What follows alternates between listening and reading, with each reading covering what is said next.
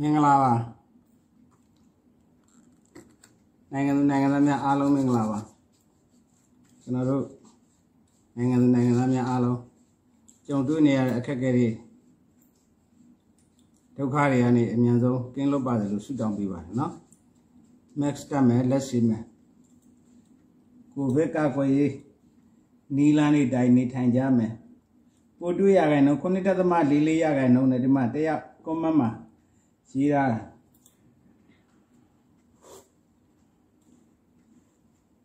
1394ဦးတွေ့တယ် positive ပို့တွေ့ရခိုင်နော်9.44ရခိုင်နော်မနေ့ကတော့10.4ရခိုင်နော်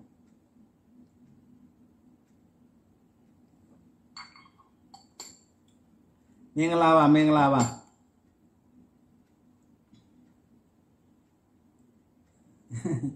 မင်္ဂလာပါအားလုံးနော်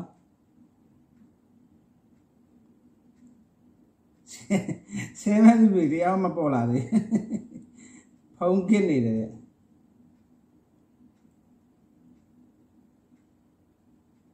အဲကိုကိုသခင်ကျော်မင်္ဂလာပါအကိုအကိုကကျမ်းမကြီးကောင်းပါပြီလားမသိမှတ်မိတယ်အားလုံးပဲမင်္ဂလာပါနော်မနေ့ကတော့ကျွန်တော်တို့ကဒီ ဓိကကတော့မနေ့ကရည်ရွယ်ဘာရည်ရွယ်ချက်နဲ့ပြောတာလဲဆိုတော့ကျွန်တော်တို့မြန်မာနိုင်ငံရေးမှာဖြစ်နေတဲ့စစ်ဘက်အရက်ဖက်ပြဿနာအဲ့ဒီမှာကျွန်တော်တို့အရက်ဖက်နိုင်ငံရေးသမားတွေရဲ့အင်အားစုပေါ့လေအရက်ဖက်နိုင်ငံရေးသမားအင်အားစုတွေရဲ့အမှန်တကယ်အဲဖြစ်ပေါ်နေတဲ့အားနည်းချက်လေးတွေပေါ့အဲ့ဒါတွေကိုကျွန်တော်တို့ကဖြည့်ဆည်းမဲ့ပြင်ဆင်မဲ့ဆိုရင်အနာဂတ်မှာ ခဏကြုံတွေ့နေရတဲ့နိုင်ငံရေးအခက်အခဲပြဿနာမျိုးတွေမဖြစ်နိုင်တော့ဘူးဒီအတွက်ကျွန်တော်ကအဲ့ဒါကိုဥစားဖြစ်တာပေါ့အဲကိုသုံးသပ်လို့ရသမျှပေါ့လေနော်ကိုတွေးခေါ်လို့ရသမျှပေါ့အဲ့ဒါမျိုးကျွန်တော်တွေးခေါ်ရဆိုတာကတော့ဟိုဘယ်သူစီကမှကော့ပြီးကူးတာတော့မဟုတ်ဘူးကျွန်တော်ကကျွန်တော်အဲကိုယ့်အကူတောင်တွေးမြောက်တွေးအဖြေရှာတာပေါ့အဲ့ဒါမျိုးပေါ့ ကျွန်တော်ပြောတဲ့အတိုင်းလဲ100%မှန်မယ်လို့ပြောတာမဟုတ်တာအတွေးခေါ်တစ်ခုပဲလေနော် concept တစ်ခုပဲကျန်တာကတော့ကိုယ့်အကိုတူးချင်းတူးချင်းပြန်လဲကိုယ့်အကိုလည်းတွေးခေါ်ကြပေါ့အဲဒီထက်ကောင်းတဲ့အဖြေတွေနီးလန်းတွေရှင်းလဲဒါတင်ပြလို့ရပါတယ်ဒီသဘောလေးတော့ရှိတယ်အဲ့တော့မနေ့ကအဲ့လိုမျိုးပြောတော့ comment မှာသွားတွေ့တယ်ဗျ မိကွန်ဟို comment တစ်ခုသွားတွေ့တယ်တတိယစိတ်ဝင်စားစရာကောင်းတယ်ဗျသူ comment လေးကအဲ့တော့ तू ကဘာပြောလဲဆိုတော့ကျွန်တော်ကပြောတာကိုဒီဘက်အရသာနိုင်ငံရေးအင်အားစုတွေနဲ့ဒီဘက်ကစစ်ဖက်အဲဒီစစ်ဘက်ကတော့ training တွေကောင်းတယ်ပေါ့အဲ့လိုမျိုးပေါ့ဆိုတော့ तू ကဘာပြောလဲဆိုတော့ဒါဆိုဒါဆိုရင်ဗိုလ်ချုပ်တွေဗိုလ်ချုပ်တွေဖြစ်ရုံနဲ့ဟိုတိုင်းပြည်အုပ်ချုပ်လို့ရပြီအုပ်ချုပ်နိုင်တယ်ဆိုလို့ရှိရင် တိုင်းပြည်ဖွံ့ဖြိုးတိုးတက်တာကြာပြီပေါ့အဲသူဟာအဲ့လိုမျိုးသူပြောတယ်ဟုတ်တယ်အဲ့ဒီသဘောမျိုးသူပြောတယ်ဒါဆိုစစ်တပ်အုပ်ချုပ်တဲ့စစ်တပ်စစ်သားတွေတော်တယ်ဆိုလို့ရှိရင်အဲဘာဖြစ်လို့တိုင်းပြည်မဖွံ့ဖြိုးမတိုးတက်လဲပေါ့อืมဒါမျိုးသူမေးချင်တာသူဒါမေးလဲမေးတင်ပါတယ်ကျွန်တော်ကစိတ်မဆိုးပါเนาะ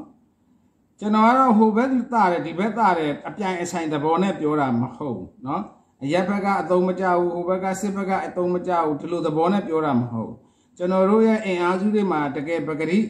အရှိနေနိုင်တဲ့အနေအထားတွေကိုသုံးသပ်ပြီးတော့မှလိုအပ်တာတွေကျွန်တော်တို့ဘယ်လိုဖြည့်ဆည်းမလဲဆိုတော့အပြုသဘောနဲ့ပဲပြောတာတစ်ဖက်နဲ့တစ်ဖက်အဲဒီဟိုစပေါ့ရှင်ပြိုင်ပြီးတော့မှတစ်ဖက်ကိုတစ်ဖက်အပုတ်ချမယ်အဲဒီဒီလိုမျိုးသဘောမျိုးနဲ့ပြောနေတာမဟုတ်ဘူးအဲ့ဒါကိုလည်းနည်းနည်းဟိုနားလဲပြီးဖို့လိုတယ် ထားလိုက်ပါတော့ခုနကတော့မေကွန်ပေါ့စစ်သားတွေကဟိုစဖြစ်တဲ့ဆိုလို့ရှိရင်ဘာဖြစ်လို့တာကြီးမတိုးတက်လဲမှန်ပါတယ်သူမေးတာမေးတဲ့နဲ့မေကွန်ပဲတာကြီးကမနေ့ကပြောခဲ့83နှစ်လောက်ရှိပြီကျွန်တော်တို့လွတ်လပ်ရေးရတာ83နှစ်ထဲမှာဝင်နေတာပေါ့ဆိုတော့55နှစ်လောက်ကဒီတက်မတော်နဲ့တက်မတော်သားတွေပေါ့တက်မတော်အကြီးကဲတွေပေါ့အဲ့လိုပဲပြောရမှာပေါ့နော်သူတို့တက်မတော်သားဘဝနဲ့တိုင်းပြည်အုပ်ချုပ်တယ် အရက်ဝတ်လဲပြီးတော့တိုင်းပြည်အုပ်ချုပ်တယ်ဒီလိုသဘောပေါ့ထားလိုက်ပါတော့ခင်ဗျားတို့အမြင်နဲ့ပြောလို့ဆို55နှစ်ကစစ်သားတွေအုပ်ချုပ်တယ်လို့ပဲခဏလေးထားမယ်ဟိုဘက်ကအယတ္တစစ်စစ်ကတော့18နှစ်နဲ့8လနီးပါ16နှစ်နီးပါပေါ့อืมအဲ့ဒီမေကွန်လေးဖြေရမယ်ဆိုရင်တော့ကျွန်တော်ကအဲဟိုကျွန်တော်ငင်းခုန်တာမဟုတ်တော့ကျွန်တော်ရဲ့အမြင်ကိုပဲသုံးသပ်ပြတယ် ဆိုတော့ဒီဘက်ကဘာဖြစ်လို့စစ်သားတွေအုပ်ချုပ်တာတိုင်းရင်မတူတက်လဲပေါ့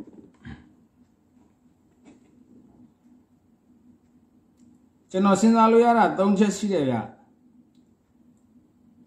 ကျွန်တော်စဉ်းစားလို့ရတဲ့အချက်၃ချက်ရှိတယ်ပထမတစ်ချက်ကတော့ဒါအားလုံးလည်းသိတဲ့အတိုင်းပဲကဘာကြီးကဟိုကျွန်တော်တို့ကကိုကိုအချုပ်ချအာဏာနဲ့ကိုဒီလိုပဲတိုင်းပြည်တွေက နေထိုင်ကြတဲ့ဆိုတော်လည်းပဲပေါ့နော်ဒီကမ္ဘာအခင်းကျင်းထဲမှာဒီလိုပဲနိုင်ငံတွေတနိုင်ငံနဲ့တနိုင်ငံဆက်ဆံရတဲ့ဒီလိုသဘောတွေရှိတာရှိတဲ့အခါကျတော့အဲအင်အားကြီးနိုင်ငံတွေကသူတို့ကျင့်သုံးတဲ့ပုံစံတွေသူတို့ကျင့်သုံးတဲ့စနစ်တွေကိုဒီဘက်ကကျွန်တော်တို့တခြားနိုင်ငံတွေကို ပုံသွင်းနေတဲ့သဘောတွေရှိတယ်အဲ့လိုရှိတဲ့အခါကျတော့အင်အားကြီးနိုင်ငံတွေကဒီဘက်ကအင်အားနည်းတဲ့နိုင်ငံတွေရဲ့ပြည်တွင်းရေးကိုဝင်ဆွတ်တာတွေရှိတာပေါ့အလင်းသိရင်သိတယ်လို့ပေါ့အခြေအနေပေးပေးတယ်လို့ဒါကလူတိုင်းသိပြီးသားကိစ္စပဲဆိုတော့ကကြတော့ဒီလိုမျိုးကမ္ဘာမှာအနောက်နိုင်ငံတွေက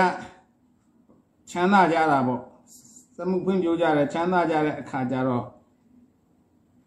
အဲသူတို့ကဒီမိုကရေစီစနစ်ကိုကျင့်သုံးတယ်ကျင့်သုံးတော့ဒီဘက်ကကျွန်တော်တို့တိုင်းကြီးမှာတက်ကနေပြီးတော့မှအဲစစ်သားတွေအုပ်ချုပ်ရင်ဟောဗျာခင်ဗျားတို့ပြောသလိုစစ်သားတွေအုပ်ချုပ်လို့ရှိရင်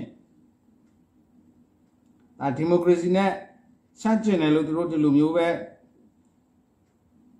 ယူဆတဲ့သဘောတော့ရှိမှာပေါ့ဗျာနော်ဒါပေမဲ့သူတို့ သူတို့လက်ကင်သုံးလို့ရမဲ့စစ်အာဏာရှင်တွေကြရင်လည်းသူတို့ကမွေးရတာပဲအမေရိကန်တို့ဖာတို့ကအဲ့ဒီသဘောတွေလည်းရှိတယ်ဗျအဲ့ဒီပြောရင်ရှေ့နေမှာသူတို့လို့ရင်ပဲပြောမယ်ဆိုတော့စစ်သားတွေအုပ်ချုပ်လို့ရှိရင်အဲဒီမိုကရေစီ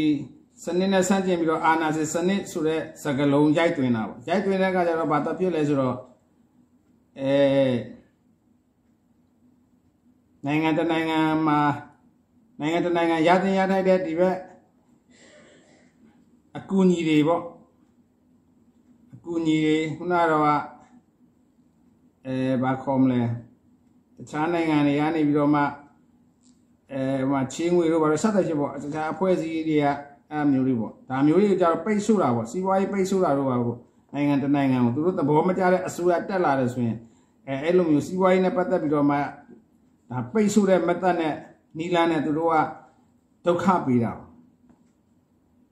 ထားလိုက်ပါတော့ဟိုဘက်ကဒီတော်လိုင်းရေးကောင်စီဒီဘက်မဆလာခစ်ကအဲဒါမြန်မာစစ်စစ်လေးလမ်းစဉ်ပါတီနဲ့တွားတာပေါ့တွားတဲ့အခါကျတော့ဒါကတော့အဲတမတော်သားတွေအငိမ့်သားတွေအုပ်ချုပ်တဲ့ဆိုတော်လဲပဲအဲ့ဒီမှာအရက်ဖက်လဲစွတ်တော့ပါတာပေါ့ဒီလိုမျိုးတွေပေါ့ဒါပေမဲ့ဒါဟို တပါတီစနစ်ပေါ့အဲ့ဒီအပိုင်းလေးကိုခဏထားလိုက်မယ်ကျန်တဲ့တမတော်သားတွေအုပ်ချုပ်တဲ့ကာလကိုသူတို့ကတော့ဒါအဲအာနာရှင်အုပ်ချုပ်တဲ့ကာလတွေလို့သတ်မှတ်ပြီးတော့ဗာခုနတော့ကဒီမိုကရေစီရဲ့လူအခွင့်အရေးအကြောင်းပြချက်တွေနဲ့အဲနိုင်ငံတနိုင်ငံကိုဖွံ့ဖြိုးသောနိုင်ငံတနိုင်ငံကိုဆင်းရဲတဲ့နိုင်ငံတနိုင်ငံကိုပေးတင်ပေး အပ်တဲ့ဒီအကူအညီတွေအားလုံးကိုတားမြစ်တာပေါ့နောက်တစ်ခုကအဲခုနတော့ကလို့ပေါ့စီးပွားရေးရဆက်ဆံတာတွေ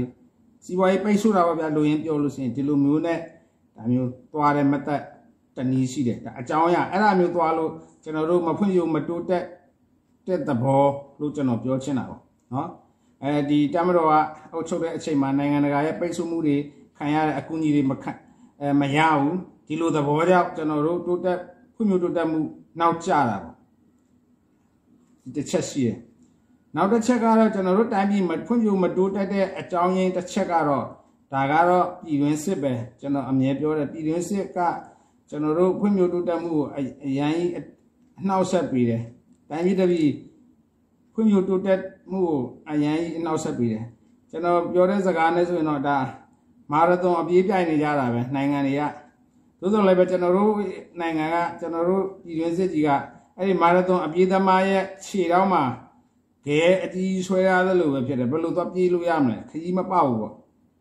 ပြည်တွင်းစက်ကအဲ့ဒီပုံစံတော့ဖြစ်တယ်ဗျပြည်တွင်းစစ်ကြောက်လဲကျွန်တော်တို့တိုင်းပြည်မဖွံ့ဖြိုးမတိုးတက်တာဒါအဓိကပဲနှစ်ချက်ရှိပြီ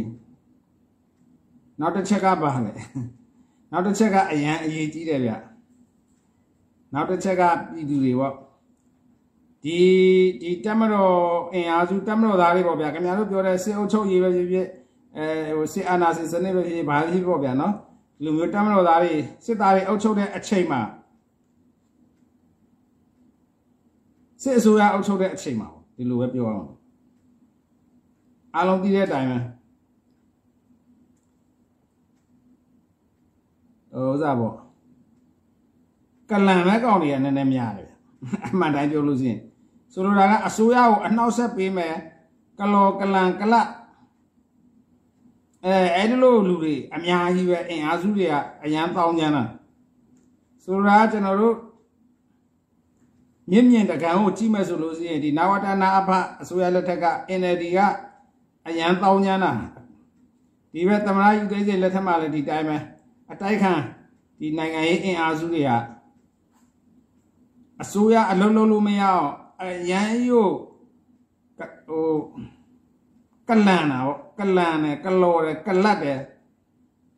ဒုက္ခအမျိုးမျိုးပေးတယ်ဗျအစိုးရကိုပြီးတော့မှဗာဖြစ်လဲခုနတော့ကပြောတယ်ပထမတစ်ချက်အဲအဲ့ဒီပြည်ပနိုင်ငံတွေအင်အားကြီးနိုင်ငံတွေနဲ့ချိတ်ဆက်ပြီးတော့မှနိုင်ငံရေးရဖိအားပေးတယ်စီးပွားရေးရ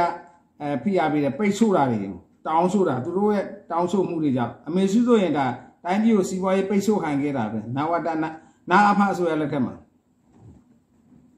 နော်အဲ့ဒီသဘောတွေရှိတယ်တိုင်းပြည်ကိုစီးပွားရေးပိတ်ဆို့ခံခဲ့တာဘယ်လောက်ထိဆိုးရလဲစီးပွားရေးပိတ်ဆို့ခံနေဆိုတဲ့အဓိပ္ပာယ်ကကျွန်တော်တို့တိုင်းပြည်ကထွက်ကုန်တွေလည်းမဝယ်ဘူးဟာကျွန်တော်တို့အကူအညီတွေလည်းမပေးဘူးကျွန်တော်တို့လည်းမဆက်ဆံဘူးပေါ့အဲအဲ့အမျိုးတွေပေါ့ဒီလိုမျိုးတွေဆိုတော့ကျွန်တော်တို့ကကိုယ့်ရဲ့ထွက်ကုန်တွေမရောင်းရတဲ့အခါကျတော့အဲဝင်ဝင်မရှိဘူးပေါ့ဒီလိုမျိုးတွေပေါ့ ကိုနဲ့ဒီသဟဇာတာဖြစ်တဲ့နိုင်ငံတချို့လောက်ပဲကိုနဲ့ဆက်ဆံတာကျန်တဲ့နိုင်ငံတွေကိုကျွန်တော်တို့ကကျွန်တော်တို့တိုင်းပြည်ရဲ့ပြည်တွင်းထုတ်ကုန်တွေစသဖြင့်ပေါ့အဲအဲပြည်တွင်းမှာလာရင်းနှီးမြှုပ်နှံမှုတွေလာအောင်ဒါမျိုးတွေတခုမှအဆင်မပြေဘူးပေါ့ဗျာဒါတွေအားလုံးပိတ်ဆို့တာပေါ့အဲ့ဒါကိုတောင်းဆိုတာကတော့ခုနကတော့ကျွန်တော်ပြောတဲ့ကလော်ရယ်ကလန်နဲ့ကလတ်တဲ့နိုင်ငံရေးအင်အားစုတွေကဥဆောင်တာ ကျွန်တော်တို့မြင့်မြင့်တကန်းနဲ့တိမဲ့ဆိုရင်အမေစုကခုနကတော့နာအဖလက်ထက်မှာအဲမြန်မာပြည်ကိုစီးပွားရေးပိတ်ဆို့ခိုင်းတဲ့အခါကျတော့အဲအဲ့ဒီလိုဇက်လန်တွေဖြစ်တာဒါတိုင်းပြည်မဖွင့်ရမတိုးတက်ရတဲ့အကြောင်းရင်း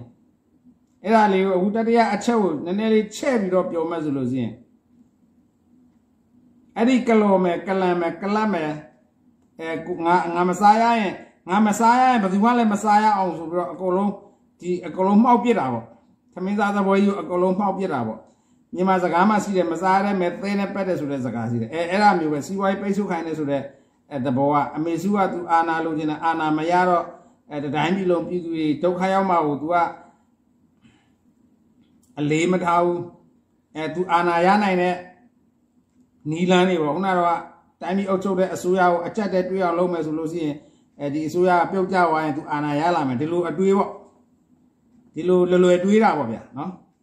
ဆိုတဲ့အခါကျတော့အဲ့အမျိုးသူအာဏာရဖို့အတွက်ဒါတစ်ဖက်အင်အားကြီးနိုင်ငံတွေ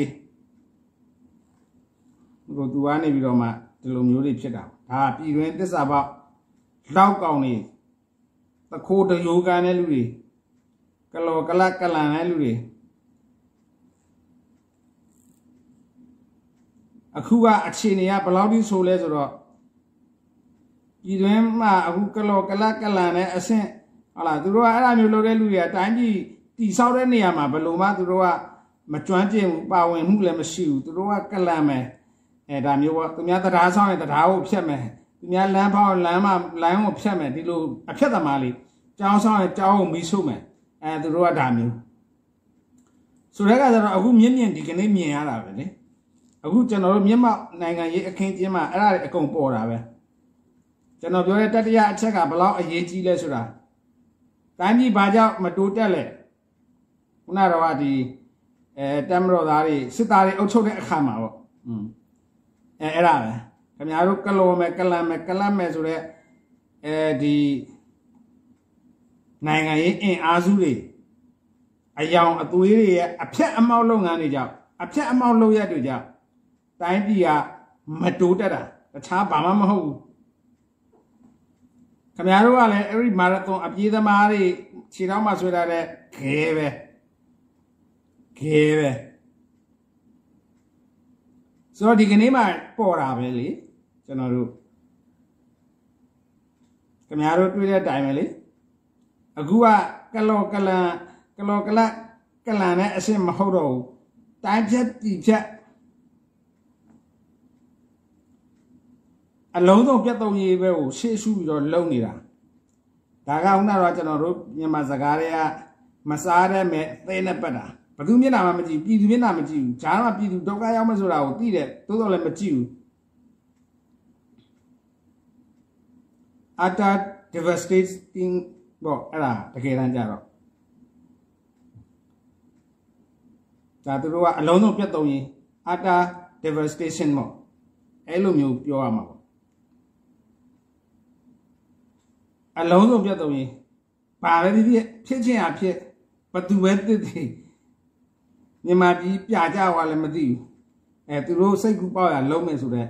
အခုအခြေအနေကအဲ့ဒါမျိုးဖြစ်တယ်ဆိုတော့ခုနကတော့အဲစစ်သားတွေအုပ်ချုပ်ရင်ဘာလို့တာကြီးမဖွင့်ပြမတိုးတက်လဲသူတို့အရေးချင်းစီးတယ်ဆိုရင်အဲအဲ့ဒါကိုကျွန်တော်ကအဲ့ဒီအချက်၃ချက်ကြောက်လို့ကျွန်တော်ပြောချင်တယ်အဓိကအချက်ကတော့အဲဒီမှာ အကုန်လုံးကတော့အဓိကကြတဲ့အချက်တွေပါဒါပေမဲ့အဲပို့ပြီးတော့ဆိုတဲ့နောက်ဆုံးအချက်ကတော့အဲ့ဒါပဲခင်ဗျားတို့အခုမေကွန်းထုတ်တဲ့လူတွေကိုယ်တိုင်အဲ့ဒီ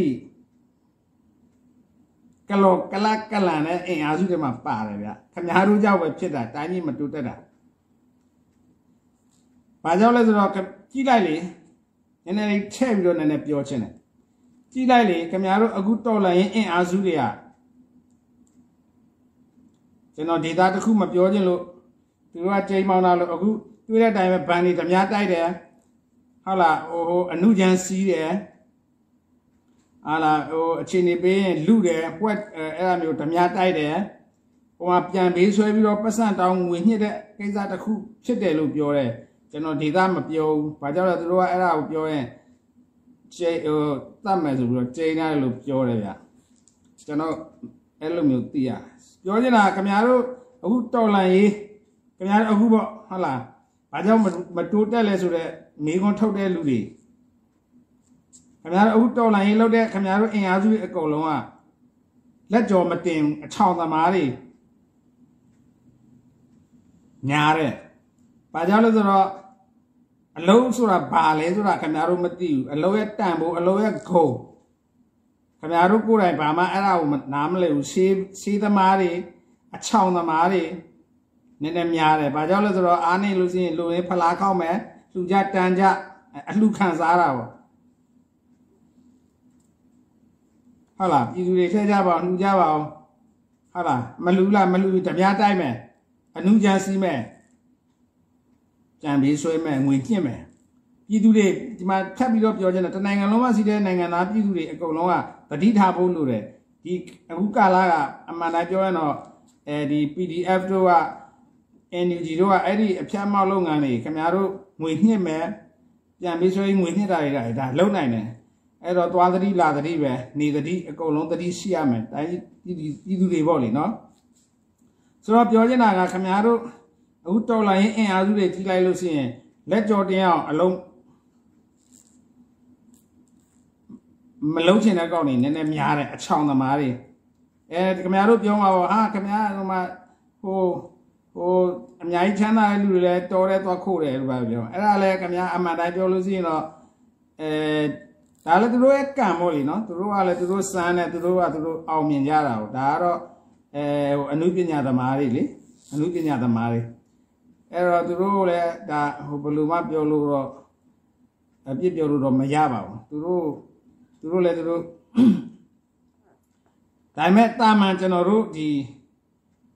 အဲဘဝတွေပေါ့လက်လုံးလက်စားဘဝတွေရုံးကန်တဲ့ဘဝတွေနဲ့စရင်သူတို့ကရေပေါ်စီတွေပဲဗျအမှုပညာစဉ်အမှုပညာသမားဆိုတာပတ်စံလို့လို့ရကြတဲ့သဘောရှိတယ်ပြည်သူတွေရဲ့ပတ်စံဟိုဦးနာတော်ကလို့ပေါ့အဲအမှုပညာကိုကဘာကိုထိုးပေါက်လာမထိုးပေါက်လာတော့မသိဘူးပြောရတာကြီးကြီးကျယ်ပဲသို့တော်လည်းပဲပတ်စံတော့အချောင်ရတယ်နော် အဲ့တော့ခမ ्या ကြီးကြီးကျယ်ပြောလို့ရှိရင်ဦးနာတော်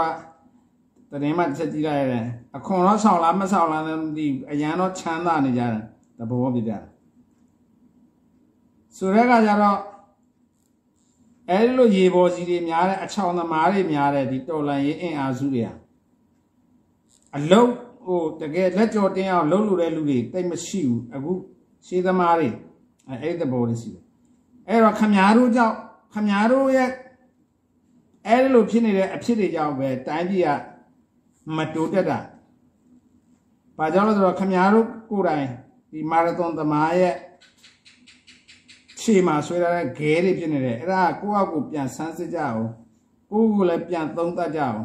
သူတစ်ပါးကိုအာသူကြောက်ဘုရုကြောက်ဆိုပြီးတော့အဲ့အမျိုးတွေအဲအဲ့ဒီအကျင့်ကတကယ်တမ်းကျတော့အဲ့ဒီအချောင်သမားတွေရဲ့အကျင့် community ရဲ့အကျင့်ခုနက community ပေါ့ community ကဘာလဲဆိုတော့ဒီတကယ်တမ်းကျတော့ community ဝါဒကဒီအလုသမားလူဒန်းသားတွေကနေစတာတဘောပဲအလုသမားနဲ့အရင်ရှင်းနဲ့ကြည့်လိုက်တဲ့အခါကျတော့အလုသမားတွေကမတိုးတက်ဘူးမဖွံ့ဖြိုးအရင်စင်းတွေကပဲအဲချမ်းသာတဲ့ချမ်းသာလာတဲ့အခါကျတော့အဲ့ဒီမှာအဲဒါတွေတော်လန်ရေးတွေဖြစ်လာတာပေါ့ပြင်သစ်တို့ရုရှားတို့ရုရှားမှာဆိုအောက်တိုဘာတော်လန်ရေးပေါ့ ပြင်သစ်မှာလည်းပြင်သစ်တော်လန်ရေး1989မှာလာနေဖြစ်ဟိုဘက်ကအောက်တိုဘာတော်လန်ရေးကျတော့1919ရုရှားစသဖြင့်ထားလိုက်ပါတော့ဒါတွေအဲ့လိုမျိုးနဲ့အဲ့ဒီမှာဗာလဲဆိုတော့ဒီဒီစင်းရဲသားအလုသမားတွေရဲ့အဲဖွံ့ဖြိုးတိုးတက်ရတိုးတက်ကြောင်းအဲဒန်လူညီများဝင်းတို့ဘာလို့ပေါ့ဗျာဒါမျိုးတွေကနေပြီးတော့မှတွေးခေါ်စဉ်းစားလာတဲ့ခါကျတော့အဲ့ဒီမှာ community တွေးခေါ်တွေကပေါက်ဖွာလာအဓိကတော့ကျွန်တော်မြင်တာကတော့ community ရဲ့သဘောတရားကအဲသူက ချမ်းသာတဲ့လူတွေဟာအဲဒီဒီဆင်းရဲတဲ့လူတွေစီကနေဂုတ်တွေစုပ်နေတယ်လို့ဒီလိုမျိုးခုနကတော့အရင်ရှင်းနေပေါ့လေနော်အရင်ရှင်းနေသူတို့ချမ်းသာတာဒီအလုတ်သမားတွေရဲ့အဲဥစားတွေကြောင့်သူတို့ဟိုအလုတ်သမားတွေရဲ့လှုပ်အားတွေမှာဂုတ်တွေစုပ်နေလို့ဒီလိုချမ်းသာတယ်လို့သူတို့ဥစားဖြစ်တာအဲ့တော့ဒီအရင်ရှင်းဒီဂုတ်တွေစုပ်တဲ့လူဒန်းစားကိုတိုက်ဖျက်ရမယ်အဲတွန်းလှန်ရမယ်ဒီလိုသဘောပေါ့ဒါဟိုတော့ကတော့လည်းဖြစ်နိုင်ပါတယ်ဘာကြောင့်လဲဆိုတော့ ကဘာကြီးကဒီယာစုနှစ်တွေအလိုက်အဲစင်ငယ်တိုးတက်မှုတွေဖြစ်လာတာ哦အဲ့တော့ဟိုဘက်နောက်ကြတဲ့ယာစုနှစ်တွေဆိုတော့ဒီလိုမျိုးမတရားမှုတွေကတော့ရှိနိုင်ပါတယ်ဒီဘက်ခင်မှာတော့အမှန်တိုင်းပြောရင်တော့ဒါတွေကဒီအလုသမားလူဒန်းစားနဲ့ဒီဘက်ကလုပ်ငန်းစဉ်လူဒန်းစားကြားမှာသူရဲ့ agreement တွေရှိပြီးသားပဲလေနော်အဲ့ဒါတွေရှိတယ်ဗျဆိုတော့ ခုနကတော့ community အကြောင်းပြောရင် community ဝါဒရဲ့အဓိကလူရင်းကတော့ကျွန်တော်ဟိုတနေ့ကပြောသလိုပဲသူကနေချမ်းသာတာ ah sorry ငါဆင်းရဲတာငါဆင်းရဲနေတာမင်းချမ်းသာနေလို့အဲ့တော့မင်းနိုင်ငံနဲ့လူဒန်းသားအတူဟိုအတူတူပဲပြရမယ်ဆိုတော့မင်းကိုကိုချမ်းသာအောင်ကိုကကိုတော့ကြိုးစားအားထုတ်မှုမရှိဘူးခုနကတော့ချမ်းသာတဲ့ကောင်ကိုအဲပြည်တယ်မဟုတ်လားတုတ်တင်ပြစ်ပြီးတော့တုတ်တင်ပြရမယ်သူရဲ့ဥစ္စာတွေသိရမယ်ပြီးလို့ရှိရင်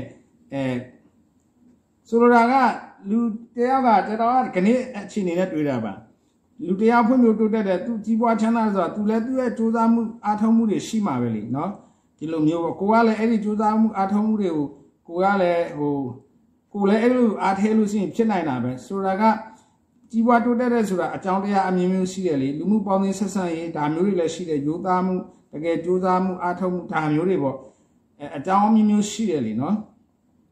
ဆိုတော့အဲ့ဒီတော့ကြီးပွားချမ်းသာတဲ့လူတွေပေါ်မှာသူတို့ဘာကြောင့်ကြီးပွားချမ်းသာလဲဆိုတာကိုတော့အဲဟိုစားပေါ့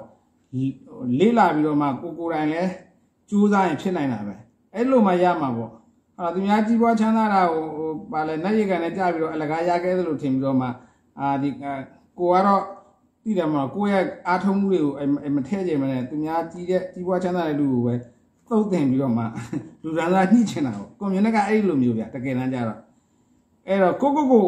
ကိုရဲ့အားနဲ့ချက်ကိုမကြည့်ပဲနဲ့သူသူတစ်ပါးကိုကြည့်ပြီးတော့မှသူတစ်ပါးကိုမျက်မှောင်တူပြီးသုတ်တင်ချင်တဲ့ဝါတာဗျမကောင်းကွန်မြူနစ်ကအဲ့ဒီအမြသဘောမျိုးမကောင်းကျွန်တော်ဖြစ်စေချင်တာကဒီလိုလေဟုတ်လားဒီအကျိုးတရားလေးဆိုတာ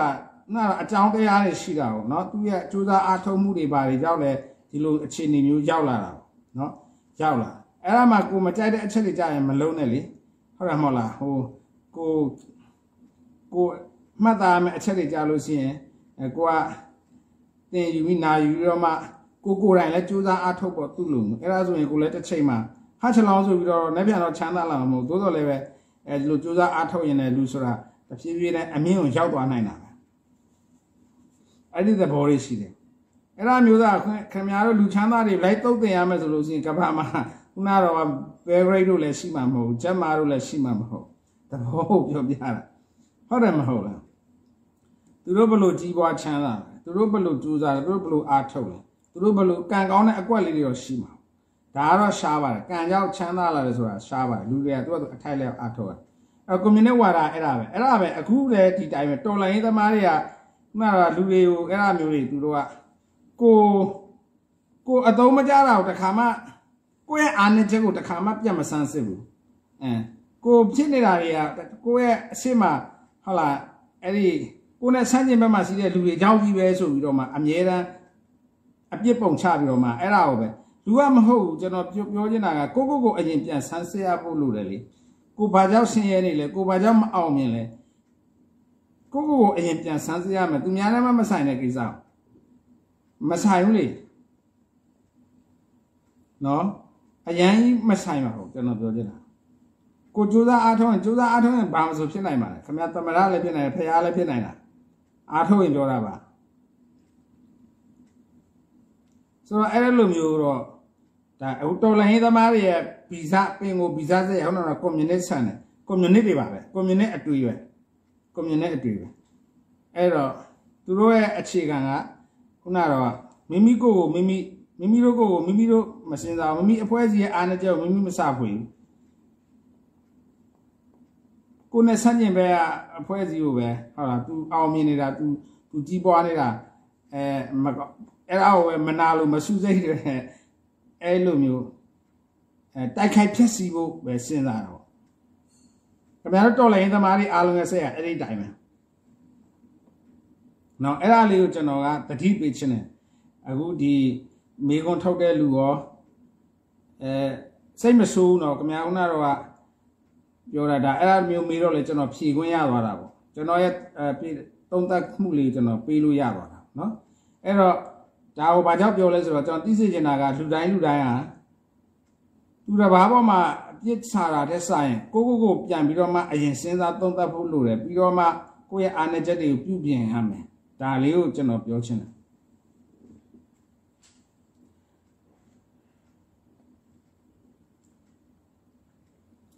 အဲခုနကမနေ့တော့အဲ့ဒီကိစ္စကဒီအရက်ဘက်နဲ့စစ်ဘက်ပြောတဲ့ရည်ရွယ်ချက်ကဘာမှမဟုတ်ဘူးကျွန်တော်တို့အရက်ဘက်နိုင်ငံရေးသမားတွေအဲအရက်ဘက်နိုင်ငံရေးအင်အားစုတွေရဲ့အားနည်းချက်ကိုကျွန်တော်တို့ပြန်ဟိုသိအောင်လုပ်ရမယ်သိအောင်လုပ်ပြီးဒါကိုကျွန်တော်တို့ကနိုင်ငံတော်အကြီးအကဲတွေရတဲ့ဒီကွက်လက်ကိုဖြည့်ပေးရမယ်မူဝါဒတရားအနေနဲ့ဒါတွေဘယ်လိုဖြည့်စည်းမလဲအဲလိုဖြည့်စည်းပြီးတော့နိုင်ငံရေးသမားတွေ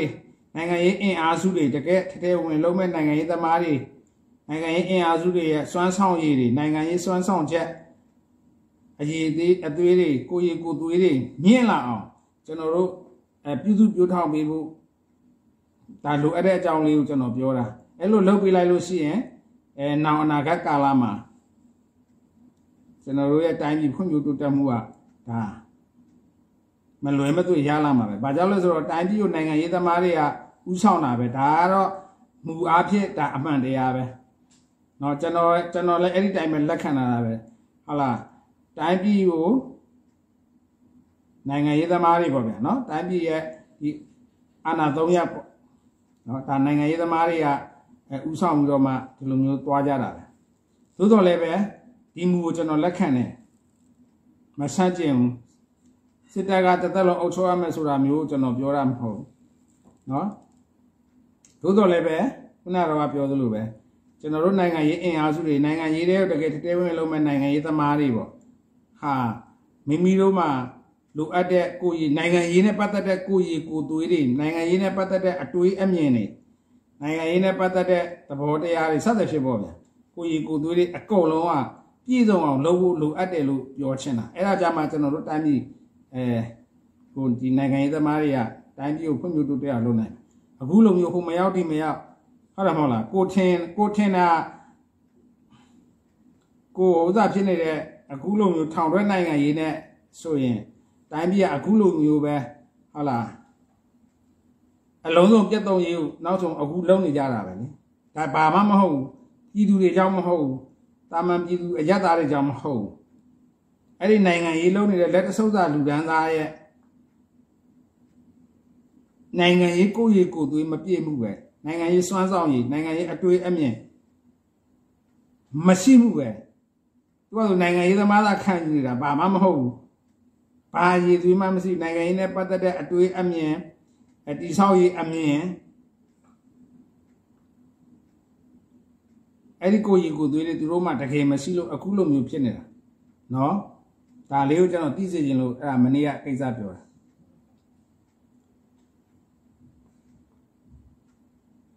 နိုင်ဝဲတောင်ရှိပါ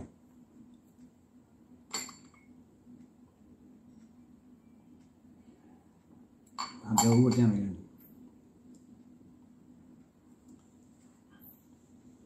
အဲဒီနေ့မှနည်းနည်းပြန်ပြီးတော့တတိပေးစရာနည်းနည်းရှိတယ်ဗျနေ့စဉ်နေ့စဉ်လည်းတွေ့တဲ့အတိုင်းပဲတန်နေဖြတ်နေဒီနေ့တော့ဟိုဘက်ကျွန်တော်တို့ ਨੇ ဒီနီးမဝေးပါဗျာ ပေါင်မျိုးမှာအဲ့ဒီမှာ YMBA အသင်းနာယကဆိုလာမိအဲ့လိုမျိုးပြစ်သက်ကန်ရှိတယ်ဒီလိုမျိုးတွေကတနိုင်ငံလုံးမှာလည်းဟိုနေရာပြစ်သက်ကန်ရဒီနေရာပြစ်သက်ကန်ရအဲ့လိုမျိုးတွေရှိတယ်ဗျဆိုတဲ့အခါကျတော့ကျွန်တော်ကဘာဒီတော်လိုင်းရေးအင်အားစုတွေသိစေချင်တာကသူတို့ကတော့ခုနကတော့ပြောတဲ့အတိုင်းပဲလေသူတို့နဲ့သဘောထားချင်းမတိုက်ဆိုင်လို့ရှိရင်အမြင်မတူရင်ရန်သူလိုသတ်မှတ်ပြီးတော့မှအကုန်လုံးသွားပြီးတော့မှအဲ ရန်စာနေတဲ့သဘောရှိတယ်အဲ့တော့ခင်ဗျားတို့ကတကယ်ဆိုရင်ဒီအဖြတ်အမောက်လုပ်ငန်းတွေလုပ်နေတာဒီလိုတတ်နေဖြတ်နေတာဆိုတဲ့ကိစ္စကအဲတကယ်တမ်းကျတော့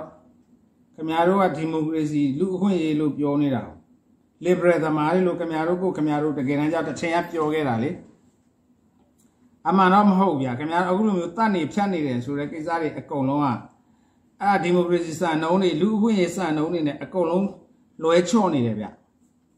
ဒါလေးကိုခင်ဗျားတို့သိသိချာချာနားလည်ဖို့လိုတယ်ဗျ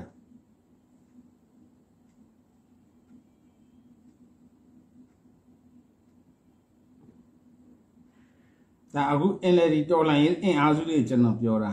။ဘာကြောင့်လဲဆိုတော့ခင်ဗျားတို့လူတွေကိုလက်လွတ်စပယ်တတ်တယ်အပြစ်ရှိမှမသိမရှိမှမသိဒီလိုမျိုးပေါ့။ ဒါတကယ်တမ်းကျတော့လူသားမဆန်ဘူးပေါ့။တကယ်ဆိုလို့ရှိရင်ဒါကခက်ကြီးကြီးပြောရခင်ဗျားတို့ဒါစစ်ရစုမှုတွေမြောက်တယ်ဗျ။စစ်ဖြစ်နေတဲ့ကာလလို့ပဲပြောရမှာပဲ။ဒါပေမဲ့အဲ့ဒါတွေကြည့်လို့ရှိရင်ဒီဒီကိစ္စတွေကဒီတစ်ဖက်ကြောင်းနေမဲ့ပြောကြတာတွေများဒါပေမဲ့ဒီလိုမတရားမှုပြုရဲဆိုလို့ရှိရင်နှစ်ဖက်လုံးမှာတာဝန်ရှိတာပါပြုတဲ့လူကဒါပြုတဲ့အတွက် ဟုတ်လားဥပဒေမဲ့ပြုရဲဆိုလို့ရှိရင်တော့ဒါဒါခုနတော့ကလူသားဆန့်မှုကိုဒါဒါဟိုအနောက်ဆက်ပြစ်တဲ့သဘောပဲဗျာအနောက်ဆက်ပြုတဲ့သဘောပဲလူတွေလက်လွတ်စပယ်သတ်နေတာဒါဒီမိုကရေစီစံနှုန်းတွေနဲ့လုံးဝဆန့်ကျင်တယ်ခင်ဗျားတို့လူအခွင့်အရေးရှိရလေဗျာเนาะခင်ဗျားတို့လည်းခင်ဗျားတို့ကဒီမိုကရေစီ liberal သမားတွေပဲဗျာ NLD ကငကူကခင်ဗျားတို့ကြွေးကြော်နေတာဒီလိုပဲပြောရမှာပဲခင်ဗျားတို့က liberal တွေဟုတ်လားဒီမိုကရေစီသူရဲကောင်းတွေခင်ဗျားတို့လောက်ဒီမိုကရေစီနဲ့လူခွင့်ရေးနားလဲတဲ့လူတွေမရှိဘူးအဲအဲ့ဒါဆိုလို့ရှိရင်လူတွေကိုကျွန်တော်တို့အပြစ်မဲ့ပြည်သူတွေကိုပလိုင်းလိုက်မတတ်နေနဲ့လေဒါလူခွင့်ရချိုးဖောက်တာပဲလူတိုင်းမှာခင်ဗျားတို့လူတိုင်းမှာ လွတ်လပ်စွာတွေးခေါ်ပိုင်ခွင့်ရှိတယ်လွတ်လပ်စွာထုတ်ဖော်ပြောဆိုပိုင်ခွင့်ရှိတယ်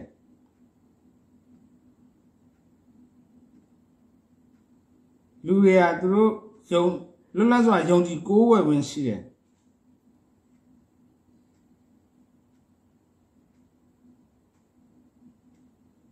အဲ့ဒါတွေနဲ့ကြည့်မယ်ဆိုလို့ရှိရင်ခင်ဗျားတို့နဲ့အမြင်မတူတာတွေအကုန်လုံးလိုက်တတ်တဲ့ဆိုတာက ဘာသဘောလဲအဲ့ဒါနဲ့တော့နီးနေတာပဲ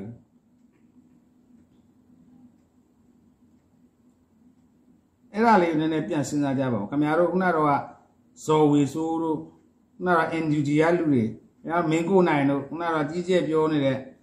မျိုးရအောင်တင်စသဖြင့်ပေါ့အများကြီးရှိပါတယ်ခင်ဗျားတို့တော်လိုင်းအင်အားစုတွေဘက်မှာပြောနေတဲ့လူတွေအများကြီးရှိပါတယ်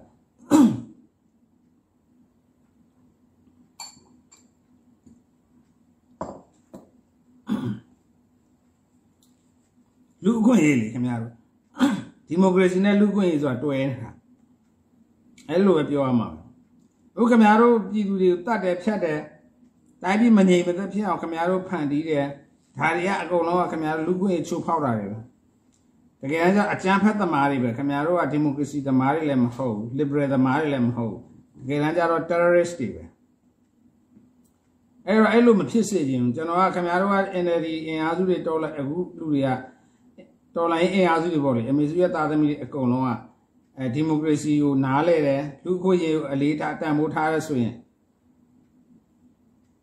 လူအခွင့်အရေးနဲ့ပတ်သက်တဲ့ကိစ္စတွေကိုခင်ဗျားတို့ပြန်ပြီးတော့မှရှာဖွေဖတ်ရှုဖို့လိုတယ်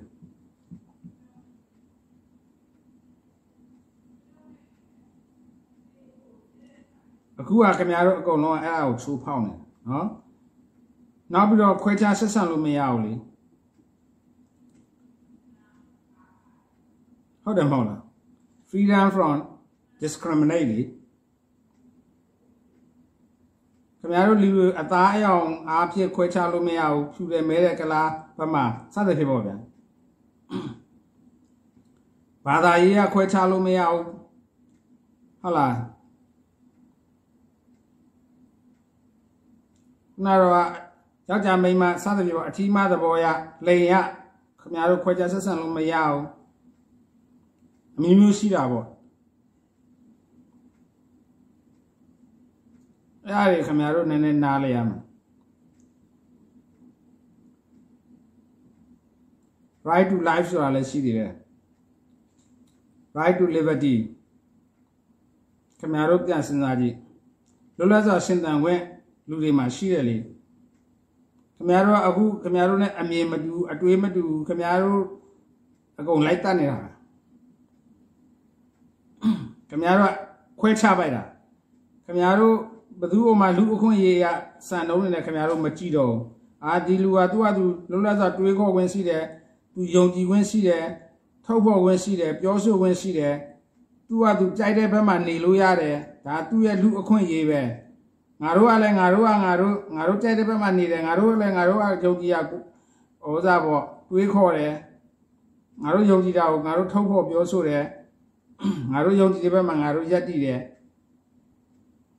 ဒါမျိုးပေါ့အဲ့ဒါဆိုရင်ခင်ဗျားတို့ဟိုဘက်ကိုလည်းလေးစားရမှာအဲ့ဒါမှဒါလူအခွင့်အရေးပဲအဲ့ဒါကိုခုနကတော့ခင်ဗျားတို့ကငါနဲ့မတူတာနဲ့အတွေးကောမတူတာနဲ့အယူဆမတူတာနဲ့ကိုယ့်ဘက်ကမရက်တာနဲ့ရန်သူဆိုပြီးတော့အားလုံးသတ်မှတ်ပြီးတော့မှခင်ဗျားတို့အခုဒါလူတွေရဲ့ လွတ်လပ်စွာရှင်သန်ခွင့်လူအခွင့်အရေးကိုခင်ဗျားတို့အနှောက်ဆက်ပေးနေတာပဲဒါလူတွေကိုခင်ဗျားတို့လိုက်တတ်တယ်အပြင်းမဲ့ပြည်သူတွေဖောင်းတိုင်းတယ်ခင်ဗျားတို့ဒလန်လို့ဆွတ်ဆွဲတယ်အဲ့လိုဆွတ်ဆွဲလိုက်ရုံနဲ့ဒီလူအခွင့်အရေးချိုးဖောက်တဲ့ဆိုတဲ့ကိစ္စကမပြောက်သွားဘူးဒါကိုလည်းခင်ဗျားတို့နားလည်ဘူးလို့လေတခြားခင်ဗျားတို့ပြောတဲ့တခြားဟိုနာတော့စစ်ဖက်တို့ဘာတို့ကဒါသူတို့ကအဲ့လိုလုပ်ရင်တော့ကျွန်တော်ကလက်ခံနေတယ်ဘာကြောင့်လဲဆိုစစ်စစ်သားတွေ ဟိုနာတော့လက်နက်ကင်အဖွဲ့အစည်းပေါ့ဟိုနာတော့ဆိုကြပါစို့ EAO တွေပါဒါတွေကသူတို့ကလက်နက်ကင်နေတဲ့စစ်စစ်နဲ့ပတ်သက်တဲ့လူတွေနည်းနည်းကြမ်းတယ်ပေါ့အဲ့လိုကြမ်းတဲ့လူတွေကအဲ့လိုမျိုးလုပ်ရင်တော့မှဒါတမျိုးအဲတဟဇာတာဖြစ်တာပေါ့တော့သူကအကျမ်းသမားပဲသူအကျမ်းကျမ်းကင်တယ်ကျမ်းကျမ်းလုပ်တယ်ပေါ့အလွဲကြော်တွေလုပ်တယ်ဒါမျိုးဆိုရင်တော့တမျိုးခင်ဗျားတို့ကအရန်နူးညာတဲ့ဒီမိုကရေစီ liberal သမားတွေလို့ခင်ဗျားတို့ကတောက်ဆောက်အကုန်တွေးကြော်ခဲ့တာလေအနီးတွေ NLD အင်အားစုတွေအကုန်လုံးအမေစုရဲ့သားသမီးတွေအကုန်လုံးပေါ့ ခင်ဗျားတို့ငါတို့ကဒီမိုကရေစီသူရဲကောင်းနေဒီမိုကရေစီကိုနားလဲတယ်လူအခွင့်အရေးတန်ဖိုးထားတယ်ဒီလိုခင်ဗျားတို့ကကြွေးကြော်ခဲ့တဲ့အမှုသမားတွေလေဘာဖြစ်လို့ဒီလိုမျိုးလူအခွင့်အရေးချိုးဖောက်မှုတွေခင်ဗျားတို့လိုက်လုံးနေရတာဒါကကျွန်တော်အဲ့ဒီတိုင်းပဲမေးရမယ်ခင်ဗျားတို့အားလုံးမေးတာခုနကတော့မင်းကိုနိုင်တို့မျိုးရနောင်သိန်းတို့ဇဝေဇဝါစိုးတို့ခုနအင်နူဂျီကပုံကိုများနော်ခုနကတော့ဒီခင်ဗျားတို့ဒီတော်လိုင်းရင်အင်အားစုတွေဘက်ကနေပြီးတော့မှဒီမှာ အဲဒီ live တွေပြောပြီးတော့မှအမျိုးမျိုးပြောနေတဲ့လူတွေလည်းအများကြီးပဲရှိတယ်အကုန်လုံးပါတော့ခင်ဗျားတို့အကုန်လုံးကျွန်တော် question မေးထုတ်နေတာရှေ့ပါခင်ဗျားတို့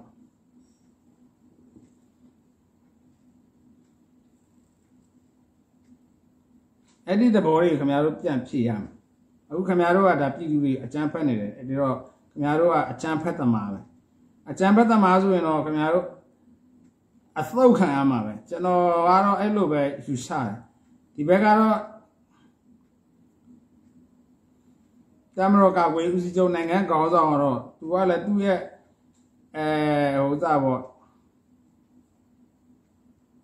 သူ့ရဲ့မူဝါဒတွေတော့ရှိမှာပါဗျာနော်သူကတော့နည်းနည်းပြော့တယ်လို့ကိုယ့်အကိုသူစားတာပေါ့ဒါပေမဲ့အပြစ်မပြောပါဘူးဒါသူ့ရဲ့မူဝါဒဘယ်လိုရှိလဲဆိုတာကိုတော့မသိဘူးကျွန်တော်တို့ကောင်မျိုးနဲ့ဆိုခင်ဗျားတို့ကအကျိတ်ခံရတာ ဟိုစားကြာပြီကျွန်တော်တော့ကြိတ်မှာပဲဒီလိုသဘောရှိတယ်ဒါပေမဲ့ဒီကာချုပ်ကြီးကတော့သူအများကြီးခင်ဗျားတို့တက်ညပါဒါကလည်းတကယ်တမ်းကျတော့ကျွန်တော်နားလဲတယ်ဘာကြောင့်လဲဆိုတော့ तू ကအဲလူအခွင့်အရေးကိုခင်ဗျားတို့လူအခွင့်အရေးတန်ဖိုးထားတဲ့ဘောရှိတယ်ဗျဒါကြောင့်မို့ तू ကဥပဒေပေါင်တွေကနေရခင်ဗျားတို့အဲဒီ ခင်ဗျားတို့ရဲ့အကြမ်းဖက်မှုတွေကိုပေါ့ तू ကင်တွယ်တဲ့နေရာမှာဥပဒေနဲ့ကြော်ပြီးတော့မှမဖြစ်သွားအောင် तू အရန်တက်ညပြီးတော့မှထိန်းတာတခုတော့သတိပေးခြင်းနဲ့ person who defends the nation break no law ဆိုပြီးတော့ရှိတယ်လေတိုင်းပြည်ကိုကာကွယ်တဲ့နေရာမှာ ဘယ်ဥပဒေမှချိုးဖောက်တယ်ဆိုတာမရှိဘူးတဲ့အဲလိုမျိုးပြောတယ်အကာချုပ်ကြီးကအဲ့ဒါကိုတော့နည်းနည်းသဘောပေါက်ဖို့လိုတယ်ဘာကြောင့်လဲဆိုတော့ကျွန်တော်တို့ရဲ့သဘောကတော့ဒီပွဲရေရှည်သွားလို့ရှိရင်တိုင်းပြည်ပိုနာမယ်ပြည်သူပိုနာမယ်ပိုနစ်နာမှာပေါ့ခါမြင်မြန်ထက်ထက်ပွဲသိမ်းပြီးတော့ဟိုပွဲသိမ်းနေဆိုတော့ဒီလိုပါ ဟိုဒီဒီလိုပဲလူအခွင့်ရေးပေါင်နေရနေပဲဟိုအကြံဖတ်မှုတွေမဖြစ်ပဲနဲ့ဆိုတာတက်မတော်နေတဲ့ဒီဒီအကြံဖတ်မှုတွေထိမ့်သိမ်းဆောင်ရတဲ့နေရာမှာဥပဒေပေါင်မကြော်ပဲနဲ့ခတ်ကြံကြံသွားလို့ရပါတယ်အဲ့ဒါမျိုးပွဲရင်းဖြတ်ပြီးတော့ရွေးကောက်ပွဲမြန်လုပ်ပြီးတော့မှအစိုးရတဲ့အရက်ဘက်အစိုးရတဲ့မြန်မြန်တက်လိုက်တာအရက်သားပါဗျာဆိုတာက ကိုယ့်အကိုပစိုးပဲကိုခေါင်းပေါင်းပေါင်းဒါတော့ကိုယ့်အကိုလုပ်လို့ရတယ်အဲ့ဒါလို့သွားတာပို့ပြီးတော့မှကောင်းတယ်ဒီတာအကောင်းဆုံးနီးလာမယ်လို့ကျွန်တော်ထင်တယ်ခုနကတော့လို့ဟို2023ဩဂတ်လတို့ဘာတို့ညာတို့အရင်ကြီးကြာသွားမယ်ကျွန်တော်တို့သဘောမကျဘူးတတ်နိုင်လို့ရှိရင်တကယ်ဖြစ်နိုင်တယ်မနေ့ပြန်ရွေးကောက်ပွဲလို့တပတ်ကအစိုးရသစ်တက်အပ်ပြီးတော့အဲ့ဒါပဲရှင်းအဲလိုတော့ဖြစ်စေကြအဲ့လိုဖြစ်ဖို့ကြတော့ ဒီအကြံဖက်မှုတွေကိုတည်တည်ကြကြငြိမ်အောင်ငြိမ်ဟုပြပြအောင်ထိန်းဖို့လိုတယ်ထိန်းဖို့ဆိုတာကအခုကဘာသာဖြစ်လဲဆိုတော့ဒီအကြံဖက်သမား in PDF NUG တို့ရဲ့အနောက်အနေလိုက်နေရတဲ့သဘောရှိတာကျွန်တော်အမြဲပြောရလေမိမိတက်မတော်စစ်ကြောကလိုက်လံဆင်းလင်းလျက်ရှိသည်ကြိုရှင်းလို့မရဘူးလားဆိုတဲ့သဘောပေါ့အဲအမြဲတမ်းပြောတယ်အဲအနောက်နေလိုက်လံဆင်းလင်းတာမကောင်းကြိုရှင်းမှရမယ်ကြိုရှင်းပြီးတော့မှ အဲအဲ့လိုဆိုရင်တော့ပြည်သူလည်းနည်းနည်းတက်တာမယ်တိုင်းပြည်လည်းမြန်ငြိမ်ဖို့ပြီးငြိမ်ဖို့မှာပေါ့ဘာကြောင့်လဲကိုကအရင်ရှော့ပေးလို့ရှိရင်အရင်ရော့ရင်တစ်ဖက်ကတင်းလာတာပဲဒီဒီဒီလိုသဘောပဲကိုကအရင်ရော့ရင် तू ကအဲ့လိုလိုတင်းလာတဲ့သဘောရှိတယ်ဒါအရှော့အတင်းနဲ့ဒါအလေးချိန်နဲ့ပြတာပေါ့ဒီမှာဒီမှာဆိုဒါအင်အားချိန်ဝင်စားနှစ်ဖက်ကတော့အညီအများဖြစ်နေတဲ့အချိန်မှာကိုကအရင်ရော့ပေါ့တယ်ဆိုရင်တစ်ဖက်ကအဲ့လို တင်းလေးလာပို့ပြီးတော့မှအားပါလာတာဒီသဘောရှိတယ်ဆိုတော့ကိုကကိုကကိုကတင်းလို့ရှိရင် तू ကအဲ့လိုလိုရော့သွားတာဒီသဘောရှိတယ်အခုကဘာမှမဟုတ်ဒီအကျမ်းဘက်သမားတွေကလွယ်လွယ်လိုက်တတ်လို့ရတယ်ဆိုတာကအဲဒီဘက်အာနာပိုင်တွေဘက်ကကင်တွယ်မှုကညင်တာနေတော့ယော့တာပေါ့လေနော်အမှန်တိုင်းပြောရတော့ယော့တာ ယော့တဲ့အခါကျတော့ဟိုကောင်ကရောက်တက်လာပြီးတော့မှအဲတွေ့တဲ့အတိုင်းပဲဟိုဘက်မြောင်အာမြိုင်အာဟုတ်သားကျွန်တော်အဲ့ဒီ messenger ကနေပို့တာမြောင်လားမြိုင်လားမသိအဲ့ဒီဘက်မှာစကိုင်းတိုင်းထဲမှာဖြစ်မယ်อืมအကြံဖက်သမားတွေကအဲ့ဒီအဲ့ဒီအဲ့ဒီမြို့ထဲမှာအကြံဖက်သမားမြို့လို့တော့ပြန် PDF တွေအဲလပိတ်ဆိုင်မှာလည်းထိုင်နေသူတို့သူတို့စိုးမိုးရတဲ့မြို့လို့ဖြစ်နေတာอืม အဲအဲ့လိုမျိုးတွေပြောတယ်မြောင်မြို့နယ်လားမြိုင်မြို့နယ်လားတော့မသိကျွန်တော်အဲ့ဒီနှစ်ခုတွေကတစ်ခုပဲမြိုင်ကတော့မကွေးတိုင်းထဲမှာရှိတယ်မြောင်ကတော့စကိုင်းတိုင်းထဲမှာရှိတယ်မြောင်ဖြစ်ဖို့များတယ်အဲ့လိုကျွန်တော် Messenger ကနေပို့ပေးတယ်ကျွန်တော်ပြန်စာပြီးတော့မှနောက်နေ့တည်တည်ရဖတ်ပြအဲ့လိုမျိုးပဲဒီအကျမ်းပတ်သမားတွေကတချို့သောဒေသတွေမှာဒီလိုပဲသူတို့စိုးမိုးထားပြီးတော့မှလိုက်သွားနေတာအဲဒီဒီ ဒီထိမ့်သိမ်းရတဲ့ဒီအဖွဲ့အစည်းပေါ့တရားဥပဒေစိုးမိုးအောင်ထိမ့်သိမ်းရတဲ့အဖွဲ့အစည်းကြတော့ရှေ့တကယ်တမ်းကျတော့ရေကပြည်သူရေကဒါထိမ့်သိမ်းရတာဆိုတဲ့အခါကျတော့ပြည်သူရဲတွေကလည်းအမှန်တိုင်းပြောလို့ရှိရင်မျိုးတွေရွာတွေမှာစခန်းတွေမှာတိတ်အင်အားရှိတာမဟုတ်သူတို့မှလည်းအဲ့ဒါမျိုးပေါ့အဲအဲ့လိုမျိုးတွေကြီးနေကြီးစားတွေဖြစ်ကုန်အဲဒီကြားထဲမှာတချို့ကဒီကိုအချင်းချင်းထဲမှာဖရဲသီးတွေပါလေတချို့ကရှိနေတာတွေလည်း ဖြစ်နေတာတို့ရှိတာပေါ့နော်တချို့အဲ့ဒါဆိုတော့တော်တော်ခက်တယ်ဗျဆိုတော့သူတို့ကကြီးနေကြီးစားဖြစ်တော့အလုံးမဖြစ်တော့ဘူးကျွန်တော်ပြောချင်တာကအဲဒီဒီတကယ်တာဝန်ယူဆောင်ရွက်ရမယ့်လူတွေကသူတို့အင်အားကနေတဲ့အခါကျတော့အဲကြီးနေကြီးစားဖြစ်တဲ့အခါကျတော့သိတယ်မို့လားတာဝန်ထမ်းဆောင်မှုကမထိရောက်တော့ဘူးပေါ့ဒီလိုမျိုးပြောချင်တာဒါလေးတွေကိုပြန် ပြန်ချိန်ဆဖို့လိုတယ်ဗျကျွန်တော်တို့ရဲ့တာဝန်ရှိတဲ့အဲနိုင်ငံတော်အကြီးအကဲတွေပေါ့လေနော်တမတော်ကတော့ကာကွယ်ရေးစီးမှပဲသူနေသူတို့ရဲ့ဒီတတ်မှတ်ချက်တွေကျွန်တော်နားလဲသလားဒီတရားဥပဒေစိုးမိုးရေးကြတော့ရဲအလုပ်ပေါ့ကာကွယ်ရေးစီးကြတော့ဒါတက်မတော်ရဲ့အလုပ်ပေါ့ဒီတက်မတော်ကကာကွယ်ရေးစီးမှရှိတဲ့တက်မတော်ကဒီတရားဥပဒေစိုးမိုးရေးလုပ်ငန်းကိုတွားပြီးတော့ဟိုဥဆောင်မလုပ်ဘူးပေါ့ သူကတော့လိုအပ်ရင်အကာအကွယ်ပေးဖို့အရန်အတားပြည့်အနေချင်းလိုက်တာမျိုးဖြစ်တကောင်ဖြစ်နိုင်တော့ဆိုတော့အဲ့ဒီဂျာထဲမှာဒီတရားဥပဒေစိုးမိုးရေးကိုဟာလာဥဆောင်ကင်တွယ်ဖြစ်စေရမယ်ပြည်သူရဲ့တွေကလည်းအဲအင်အားအခြေအနေရခုနကတော့ကျွန်တော်ပြောတဲ့ကြီးနေကြီးစားတွေဖြစ်ကုန်တော့အဲ့ဒီဂျားမှာအဖြေရှာဖို့လိုတယ်ဗျအဲ့လိုမျိုးဖြစ်နေတဲ့အခါကျတော့ဒီ PDF အကြံဖက်သမားတွေရဲ့လှုပ်ရှားမှုတွေကိုကြိုတင်ပြီးတော့မှတားဆီးဖို့ကအခက်အခဲတော့ဖြစ်သွားတာအင်အားအဲ့လိုမျိုးကျွန်တော်အမြဲပြောရလေခင်ဗျားတို့ဒီဒီ PDF အကြံဖက်သမားတွေဟာမြို့တွေရွာတွေထဲမှာဒီတိုင်းပဲသွားနေတာပဲဆိုင်ကယ်တွေကားတွေနဲ့သွားနေတာဆိုရပါစို့သူလူတယောက်သွားလောက်ကြမယ်တနေရာမှာမိုင်းတော့ခွဲမယ်ပုံသက်ပြစ်မယ်ဒီလိုသဘောတွေပေါ့ ဆိုလို့ရှိရင်သူဒီလမ်းပေါ်ကပဲသူဆိုင်ကယ်နဲ့သွားတယ်ကားနဲ့သွားတယ်လေအဲ့ဒါတွေကိုကျွန်တော်တို့ကမြို့တွေရွာတွေမှာအဲ့ဒါမျိုးတွေဟုတ်လားဥမာကျွန်တော်ပြောတဲ့ပြည်မြို့ပြည်မြို့မှာဆိုလို့ရှိရင်လင်းကားဆဲနေရအဲ့ဒါမျိုးတွေစစ်ဆေးတယ်အလင်းတင်းလို့မိုဘိုင်းပေါ့ရွေးရှာပေါ့တနေရာတနေရာမတူအဲ့ဒါမျိုးတွေတောက်ဆောင်နေတိုင်းဒီလိုအစစ်ဆေးတွေပိုက်စိတ်တိုင်းလုပ်ရဆိုလို့ရှိရင်ခုနကတော့အကြံဖက်သမားတွေရဲ့အဲလှုပ်ရှားမှုကအတိုင်းအထိုင်းလျောက်ရော့သွားမယ်သူတို့ ယွန့်သွားမယ်ဒီလိုမျိုးတွေပေါ့အဲ့ဒီမှာမိတာတွေပါပေါ်လာမယ်အဲဒါမျိုးတွေပေါ့ကြိုတင်တားဆီးနိုင်မယ်သူတို့ရဲ့ဂွင်းဆက်တွေကိုကြိုတင်ဖော်ထုတ်နိုင်မယ်ဒီလိုသဘောရှိတာအဲ့ဒါမျိုးကကိုကပိုက်စိတ်တိုင်းလုပ်တယ်ဆိုရင်ဟိုဘက်ကအကြံဘက်သမားတွေကလည်းသူသွားရလာရတာသူယွန့်သွားတာပဲယွန့်သွားရင်ဒါသူတို့ဘက်ကအဲဒီအကြံဖက်မှုလုပ်တာအားနေသွားမှာလွယ်လွယ်လုံးလို့မရတော့ဘူးပြောချင်တာကလွယ်လွယ်လုံးလို့မရတော့ဘူးအခုကျတော့သိတယ်မဟုတ်လား တကားမရှိဓာမရှိပဲသူကသူသွားလာလှုပ်ရှားနေတယ်ဆိုတဲ့အခါကျတော့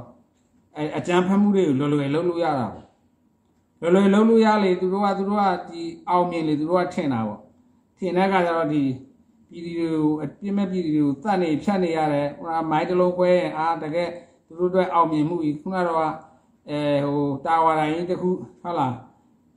ဘုံခွဲလိုက်ရင်သူတို့ကအေယာမအောင်မြင်မှုကြီးဖြစ်ကုန်တရားတစ်စင်းကိုမိုင်းခွဲလိုက်ရင် အောင်မြင်မှုတွေဖြစ်ကုန်သူတို့အတွက်အောင်မြင်မှုဖြစ်ကုန်ခုနကတော့လမ်းမှာကားမိုင်းတွေထောင်ပြီးတော့မှပြည်သူတွေပြည်သူတွေစီးတဲ့ကားထိမှမသိတက်ကစီးတဲ့ထိမှမသိဘယ်သူကားသွားမှမသိစသဖြင့်ပေါ့ဒီလိုမျိုးတွေကားမိုင်းတွေထောင်နေတာလည်းရှိတယ်အဲ့လိုအဖြတ်အမောက်လုပ်နေတာတွေကိုပျော်နေတဲ့လူတွေလည်းရှိတာအဲ့တော့အဲ့ဒါတွေကိုချိုးတင်တားဆီးနိုင်မှရမယ်အဲ့ဒါခုနကတော့ပြောတဲ့အဲနီလန်းရှာဖို့လို့တယ် ကျွန်တော်ပြောတဲ့အရန်အင်အားစုတစုကိုကာလာတစ်ခုနဲ့ယူနီဖောင်းနဲ့အဲ့ဒါကတော့အကောင်ဆုံးနီးပဲလို့ကျွန်တော်ယူဆတယ်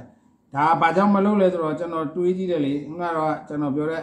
ပြည်သူတွေလက်ထဲကိုအဲလက်တနတ်ကိုလွယ်လွယ်မအပ်ချင်ဘူးအဲဆိုဆိုရပါပြည်သူတွေလက်ထဲတနတ်ကိုမရောက်စေချင်အဲနောက်တစ်ချက်ကတော့ပြဿနာတွေတကယ်တော့အဲ့လိုလုံးပြဿနာတွေပိုရှုပ်တွေးလာမလားဒီလိုတွေးမှုတဲ့ဖြစ်မဲ့ချိန်ဆရတာပေါ့နော် ဒါကိုလည်းကျွန်တော်ကလက်ခံပါတယ်သို့တော်လည်းကျွန်တော်မေးခဲ့တယ်လေပြည်သူတွေကိုမယုံလို့ရတယ်သို့တော်လည်းပဲယုံကြည်စရာကောင်းတဲ့ပြည်သူတွေကိုခင်ဗျားတို့မဆဖွေတောက်လားဆိုတော့မေးခွန်းနဲ့ပြန်မေးရမှာနော်ဘာကြောင့်လဲဆိုတော့ကျွန်တော်ကဒါအပြစ်ပြောတာမဟုတ်ဘူးဒီပြဿနာတွေမြန်မြန်ရှင်းပြီးတော့မှမြန်ထိန်းပြီးတော့မှအဲရွေးကောက်ပွဲတွေမြန်မြန်လုပ်ပြီးတော့မှအရက်ဘက်အစိုးရတက်လာရင်နိုင်ငံတကာနဲ့လည်းစကားပြောရတာကောင်းတယ်ခုနကတော့ NGO တို့ပါတို့ညာတို့ကသူ့အတူအဲ ရေဟိုဘာဘာလဲဆိုတော့ဟိုရေမှာအယုတ်ကြီးသလိုပဲအဲသူအဲ့လိုလိုပျောက်သွားမှာဘာကြောင့်လဲဆိုတော့ तू ကအဲ့ဒီဟိုစစ်အစိုးစစ်အစိုးရပဲထားလိုက်ပါတော့ဒီဒီအခုနာဝနာဆာကစစ်အစိုးရကို तू ကတော့ဟိုပြိုင်ဘက်လောက်တာကိုခုနရေကောက်ပွဲတက်လာတဲ့အစိုးရဆိုရင် तू လည်းပြိုင်ဘက်မှမဟုတ်တာ तू ဟာဟိုဘက်ကဟုတ်လားအဲ့တော့ तू က तू အလိုလိုနေနေဒီဥစ္စာကြီးက ရေမှာအယုတ်ရည်သလိုပြက်ပြက်သွားမယ်အင်ဂျင်ကြီးဆိုတော့ကျွန်တော်ခေါင်းထဲတော့မထည့်ဘူးเนาะအဲအဲ့လိုမျိုးအခုတော့ပြည်သူတွေကလည်းစိုးရိမ်ထိတ်လန့်မှုတွေတော်တော်များတယ်ဗျအဲ့ဒီပြည်သူတွေစိုးရိမ်ထိတ်လန့်နေဆိုတာလဲအဲ့ဒါလူခွင့်ရေးချိုးဖောက်တာပဲဗျခုနကတော့ပြည်သူတွေအဲဒီလွတ်လပ်စွာရှင်သန်ဝင်ဟိုတာချိန်ချောက်တာပေါ့အဲ့ဒါမျိုးတွေဖြစ်တာ ဒါခုနကတော့ NGO တို့ဒါလူခွင့်ရေးချိုးဖောက်တာအဲနောက်တစ်ခုရှိသေးတယ်ကျွန်တော်မှတ်မိလို့အဲ့ဒါတွေပြောနေရင်လည်းအဲဟိုအဲ့ဒီ comment တွေမှာတစ်ခါတခါတွေ့တယ်ကျွန်တော်အဲ့ဒါတွေပြောနေတော့စစ်အဲဒီစစ်သားတွေကစစ်တပ်ကအပြစ်မဲ့ပြည်သူတွေတတ်နေတာတော့မင်းပါလို့မပြောလဲဆိုတော့အဲ့ဒါမျိုးပြောတဲ့မေကွန်မှတ်မိပြီအဲလိုလဲမေးတယ်ဗျဆိုတော့ကျွန်တော်တော်တော်လေးကြီးစရာကောင်းတယ်ဘာကြောင့်လဲဆိုတော့ဒီမှာရှိတယ်လေ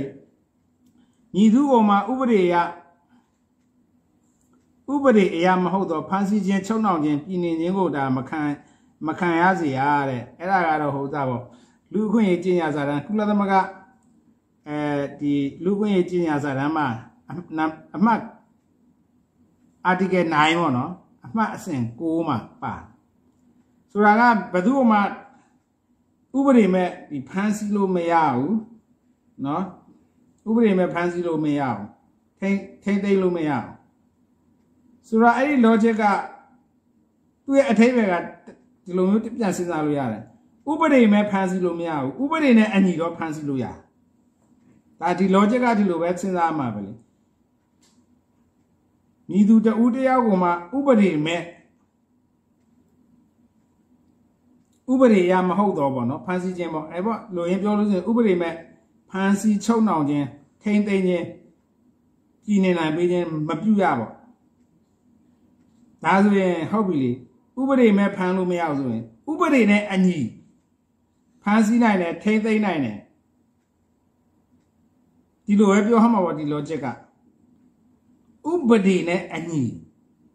နိုင်ငံမှာရှိတဲ့တည်ဆဲဥပဒေနဲ့အညီတော့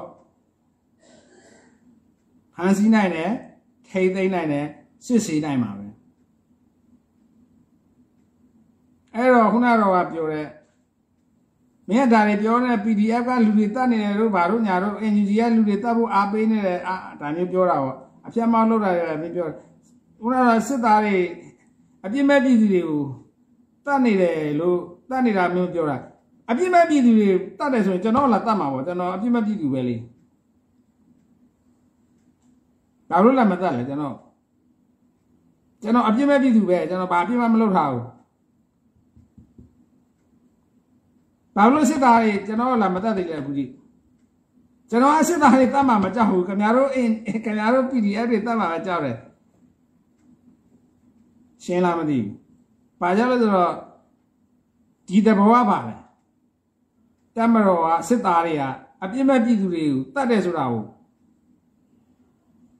ဒါဒါလက်ခံစရာမရှိလေ။ မတတ်လို့ကျွန်တော်မကြောက်တာပေါ့။တမတော်မကြောက်ဘူး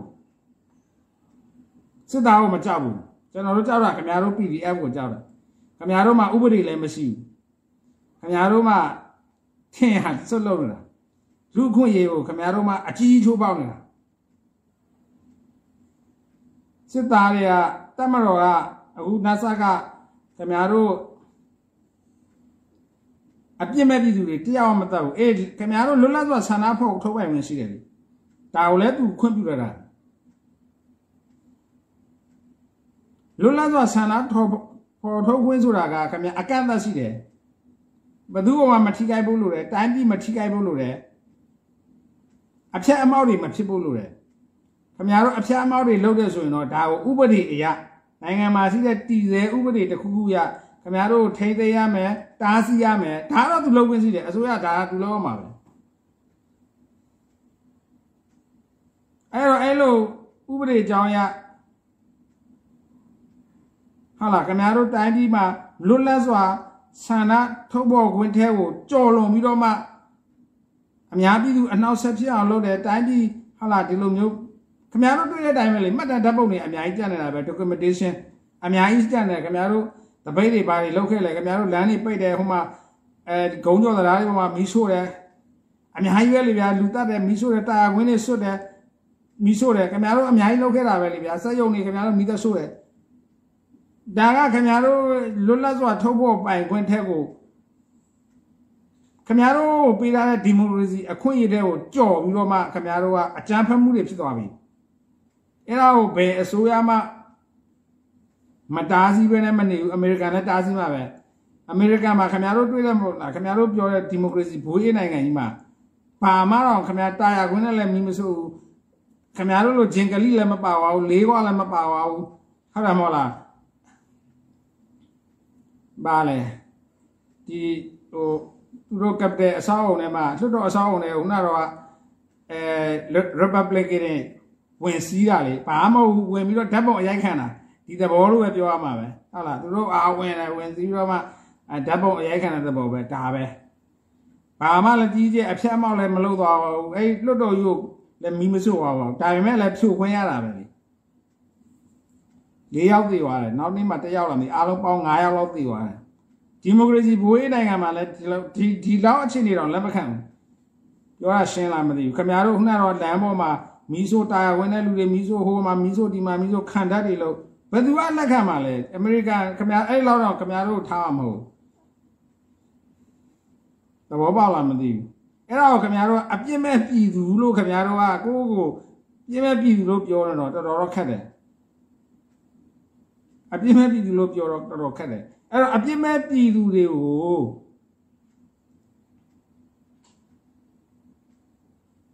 စစ်သားတွေက တတ်နေပါတယ်ဆိုရင်မြန်မာပြည်မှာ54တန်းလုံးတစ်ကောင်မှကြံမှာမဟုတ်ဥပမာပြပြ55တန်းရှိတယ်ဆိုကြပါတော့စစ်သား9သိန်းသူရဲ့မိသားစုက9သိန်းထားလိုက်ဥပမာဟုတ်လားမဟုတ်တသန်းလောက်ထားလိုက်တသန်းဝဲပေါ့ကြံတဲ့လူတွေအကုန်တတ်လိုက်မှာပေါ့အပြစ်မဲ့ပြည်သူတွေပဲဘာလို့မတတ်လဲအဲ့ဒီတိုင်းပဲမေးရမှာပဲလေခင်ဗျားတို့ဟုတ်ပြီ အပြစ်မဲ့ပြည်သူတွေတတ်ရင်တနိုင်ငံလုံးသိကုန်မှာပေါ့အကုန်လုံးအကုန်လုံးအပြစ်မဲ့ပြည်သူတွေပဲလေโอเคဒါဆိုရင်အပြစ်မဲ့ပြည်သူတွေတတ်တာမဟုတ်ဘူးလို့ပဲပြောရမှာဒါဆိုရင်တတ်ကန်ထီတဲ့လူတွေကခုနကတော့နှိမ်နေတယ်ဒါဆိုရင်အပြစ်ရှိတဲ့လူတွေဖြစ်သွားမှာပေါ့ဒါကြောင့်မို့တတ်မတော်ကအဲခုနကတော့ဒီဒီထိမ့်သိမ်းဆောင်ရွက်ရင်နဲ့နေဥပြပြမှုစသဖြင့်ပေါ့တိုင်းပြည်တည်ငြိမ်အေးချမ်းရေးအတွက်ထိမ့်သိမ်းဆောင်ရွက်ရင်နဲ့ခ ခင်ဗျားတို့သေကြကြည်ကြတဲ့ဆိုတာဒါအပြစ်ရှိတဲ့ပြည်သူတွေပဲ အပြစ်လုပ်တဲ့ပြည်သူတွေတိုင်းပြက်ပြည်မောက်လုပ်တဲ့ပြည်သူတွေပဲ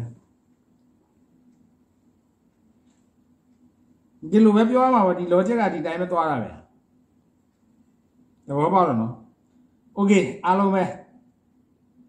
နော်အပြည်သူများအေးချမ်းကြပါစေဘေးကင်းကြပါစေကျွန်တော်တို့ကဒီအကြောင်းတရားလေးပေါ်မှာစနစ်တရားတွေးခေါ်ဖို့လို့လို့တယ်အဲဟိုစပေါ့ဘယ်သူမဆိုပါနော်ဒီဒီ NLD ပဲဖြစ်ဖြစ် တော်လိုင်းသမားအင်အားစုတွေပဲဖြစ်ဖြစ်ခင်ဗျားတို့ကိုယ်တိုင်လည်းစနစ်တရားတွေးခေါ်ဖို့လို့တယ်